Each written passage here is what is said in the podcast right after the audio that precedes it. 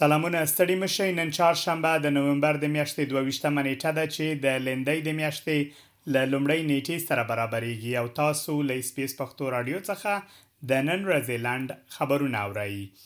د اسراییلو حکومت له خوا په جګړه کې له څلور ورځې وقفې وروسته حماس پرېکړه کړې تر څو پنځوس یرغمل شوې ښځې او ماشومان خوشې کړي، په بدل کې به اسراییل یو سل او پنځوس فلسطینیان چې په اسراییلو کې بندیان دي خوشې کړي چې ښځې او ماشومان هم پکې شامل دي او په سلګونو لارۍ به اجازه پیدا کړي ترڅو د غزې تړانګې ته ننوځي.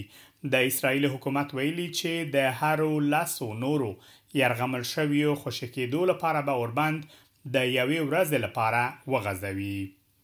لومړي وزیر او د اپوزیسیون مشر دواړو نن د ملبورن هولوکاسټ موزیم پرانستلو پر مهال د یهودیت ضد مخ په ډېرېدو پېښو غندنه وکړه.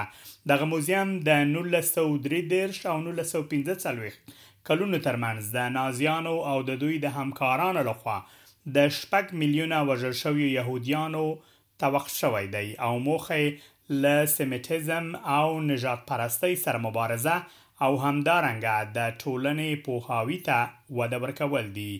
لومړي وزیر انتوني البنیزي د خپلو خبرو پر مهال د اسراییلو او حماس ترمنځ جګړې ته اشاره کړې او ویلي یې دي چې جګړه په اسټرالیا کې د صهیونیستي ضد پېښو د زیاتېدو لامل شوې ده.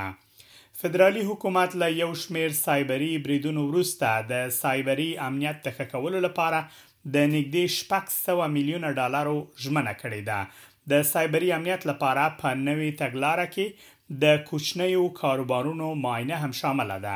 د اسټرالیا د امنیت او پانګونې کمېسیون وايي، په روانه میاشت کې د ترسره شوې سروې پر مهال معلومه شوې چې څلور څلوېښت سلنه شرکتونه د معلوماتو د خپرېدو د مخنیوي په برخه کې هېڅ پلان نه لري. په پرت کې د ځنګلونو اورلګېدنې یوې ازادې لارې ته لاسرسی بند کړی دی. په دوو ښارونو کې اوسېدونکو ته خبرداری ورکړل شوی چې د وتلو لپاره لاره یا هم سرپناه ومومي. د ښار له مرکز څخه شاوخوا دېرش کیلومتره سوېل کې اوبنګرو او هاموندپارک برخو کې بیړنی خبرداری خپور شوی دی. د اوروژنې او اضطراري خدماتو ریاست ویلي چې یو شمېر سړکونه تړل شوي دي. په هند کې ژغورونکو د هغو یو څلوېښت ساختماني کارګرانو ویډیو خپره کړې چې د نومبر له دولس مې راهیسې د دغه هېواد په شمال کې په یوه نړیدلي تونل کې بند پاتې دي.